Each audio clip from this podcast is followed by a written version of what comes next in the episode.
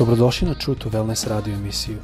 Da saznate više o nama, posjetite naš website truetowellness.com. A sad, vaš domaćin, dr. Todorović.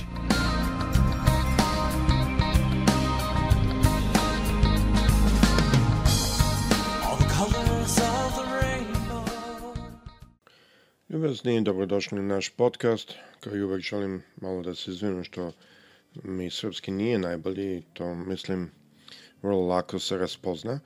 Ali, kao što znate, odrastao sam na zapadu u Kanadi i sada živim u Americi. E, tako da malo želim ipak na srpskom da podolim stvari, e, stvari što smo studirali, stvari što učimo.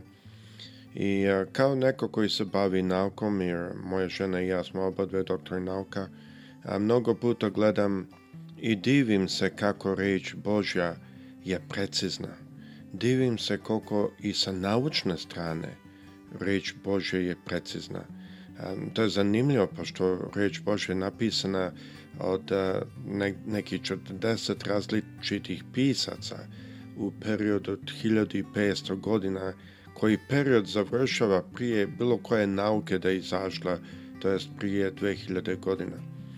Tako da vidite tu da je ipak tu e, zaista velika dubina kada malo pogledam sa jednim otvorenim očima.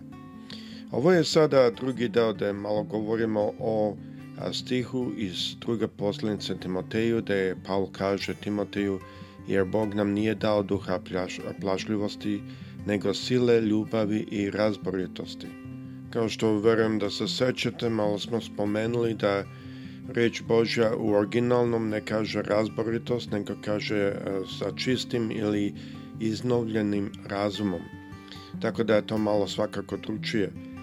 Ovo je zanimljiv stih, zato što mnogo puta kada kaže ne ubi, ne počini preljubu, ne uradi ovo, ne uradi ono, mi to zapazimo. Ali kad naiđe na neki ovakav stih, mnogo puta mi kažem pa to je lep stih. Možda ne svačamo u kom periodu je to bilo pisano, kao što sam i ranije iznao. Paul je bio u zatvoru, trebao je da bude ubijen od strane vlasti. On je pisao samo par dana prije svoje smrti. Oni su, kao hrišani bili gonjeni, bili stavljeni pred lavove, bili stavljeni u rine da su ih ubijali ljudi su se smeli. tako da nije to bila neka, da kažemo, atmosfera Eh, koja je bila eh, tako laka kao što bi mi rekli. Tako da mnogo puta kad čitamo reč ne shvatimo tačno dubinu. Ima dve stvari ovdje što smo upali upale. Prošli put smo govorili malo o šta je to imati duha eh, strašljivosti, kako kaže jedna, jedan prevod, ovaj prevod kaže plašljivosti. I šta to znači i zašto Bog ne voli strah? Malo smo govorili dve vrste straha i kako su jevreji, e, to je jevrejski rabaj, e, malo raz, razčistili taj pojam kako barem oni vide iz starog zaveta.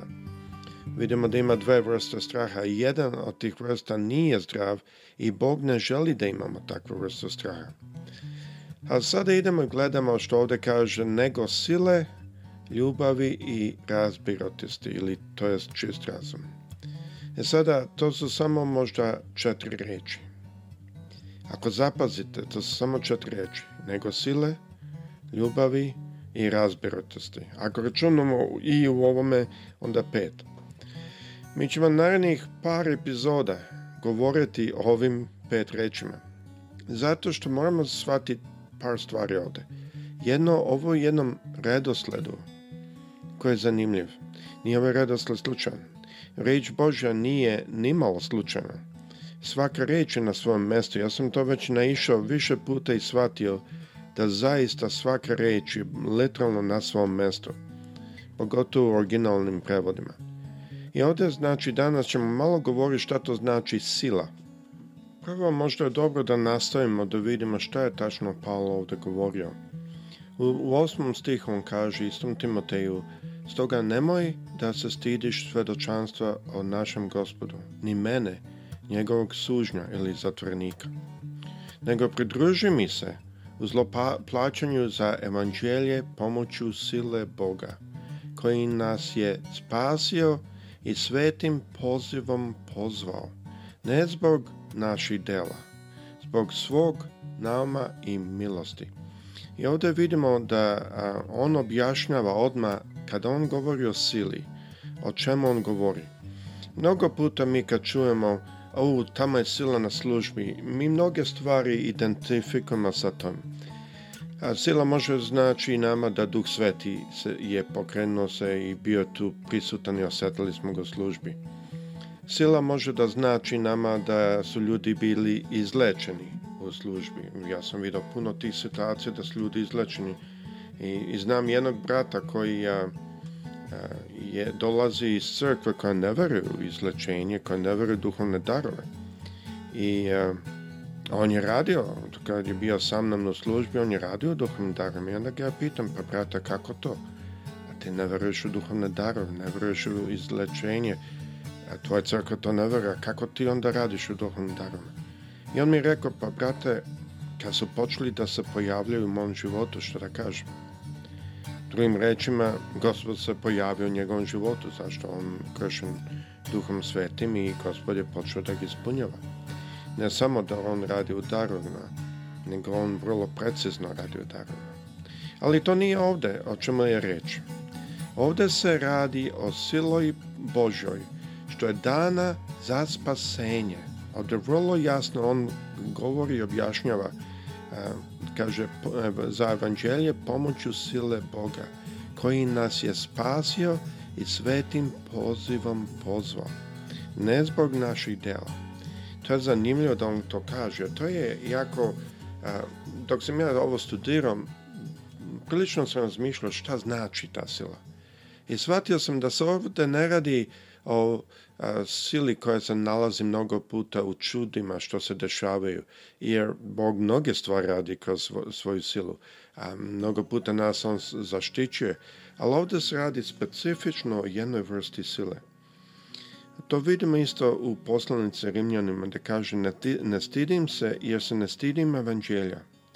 Božja je sila na spasenje svakome koji veruje, najprej židovu, pa i krku. E sada zašto reč Božja tu počinje sa silom? Vidimo dalje u desetom stihu. Isto pričao se li kaže, a objavljena me je sada kad se pojavio naš spasitelj Hristos Isus.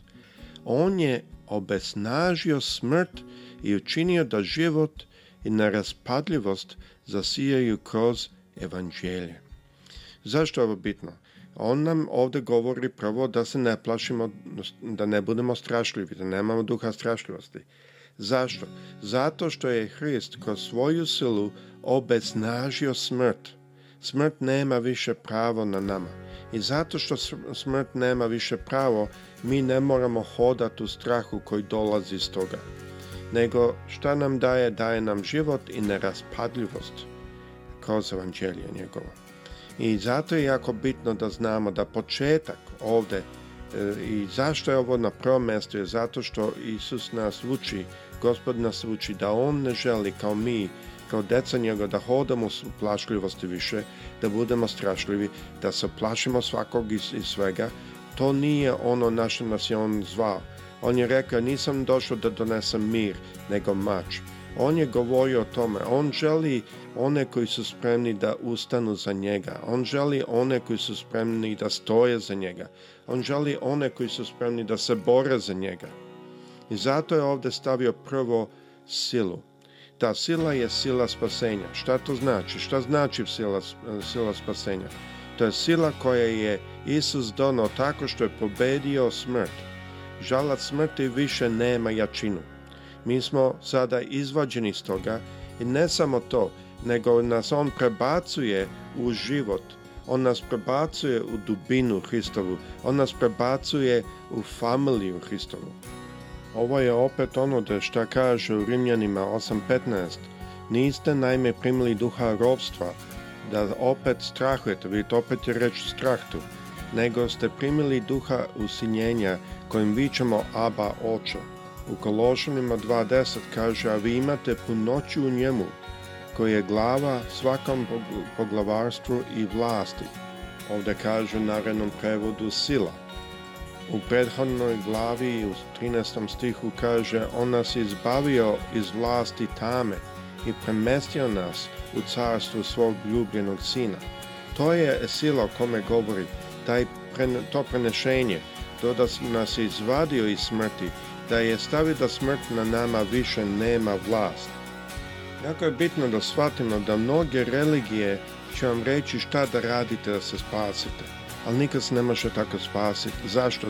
Zato što da se neko spasi uzme silu Božju i jedino tako može da bude neko spašen. To vidimo u Mateju 19.25, kad su njegovi učenici rekli, pa ko onda može biti spašen? A Isus im odgovara, što je s ljudima nemoguće, sa Bogom je sve mogućne. A to je 25. stih u Mateju 19. Tu vidite da se radi o tome da moramo osvatiti, doći na mesto, da je svaćemo da naše spasenje nije od što mi radimo, nego što on radi. Zato je ovo prvo na listi. Jer bez toga, bez te promjene, ne samo da je tu u pitanju da smo spašeni, nego smo izvađeni u drugu familiju, sa pripadom u Hristovoj familiji, sa vidimo stvari drugčije, sa gledamo na stvari drugčije. I to otvara vrata da može da u nama raste ljubav ka gospodu i ka našem bližnjem. I kako ta ljubav raste, mi tako sve više i više postajemo sličniji i bliži gospodu. I na taj način ne samo da se čisti sve, da se pere sve o nama, on nas e, izvadio iz prljavštine i stavio tamo da je čistota. Sad možemo vidjeti e, stvari čistije, jasnije. I zato je jako bitno ovdje, kad vidite u ovom stihu, u drugoj Timoteju, prva glava, sedmi stih, da ovdje je najbitnije prvo sila, ljubav i čist razum. Ima razlog što je taj redosled. Zato što bez sila Bože, bez spasenja, bez da mi pripadamo u njegovom carstvu, mi ne bi bili u stanju da, da možemo razmatra stvari ispravno, kroz ljubav, kroz oči koje on želi da mi imamo.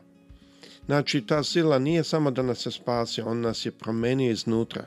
Nešto unutra nama je drugčije kako mi gledamo drugčije. Više ne gledamo stvari kao svet, nego gledamo stvari kako on želi. Ne gledamo više stvari kao što smo gledali ranije, nego gledamo kako on želi. I zato možete prepoznati kad je neko zaista spašen i kad je neko samo hodu u crkvi dugo vreme. To je velika razlika.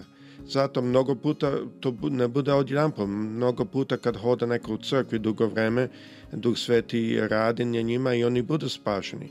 Ali kako znate da je to bilo je tako što vidite da ima sila Božja njima. Oni gledaju stvari drugčije ne više kao svet.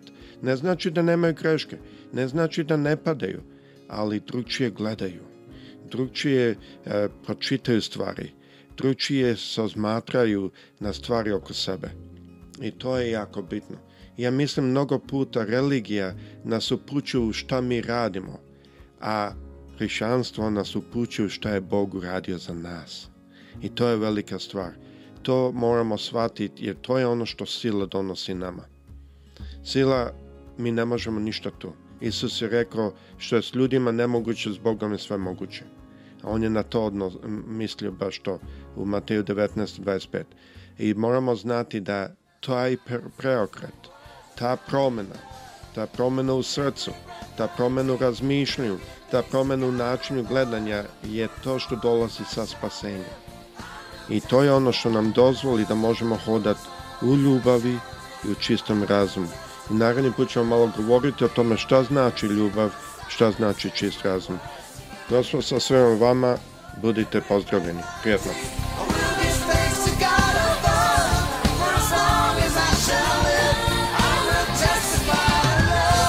Slušajte True to Wellness radio emisiju. Pridružite nam se ponovo svaki utorak, četvrtak i subotu. Za kontakt molimo posjetite naš website true2wellness.com Naša e-mail adresa je info at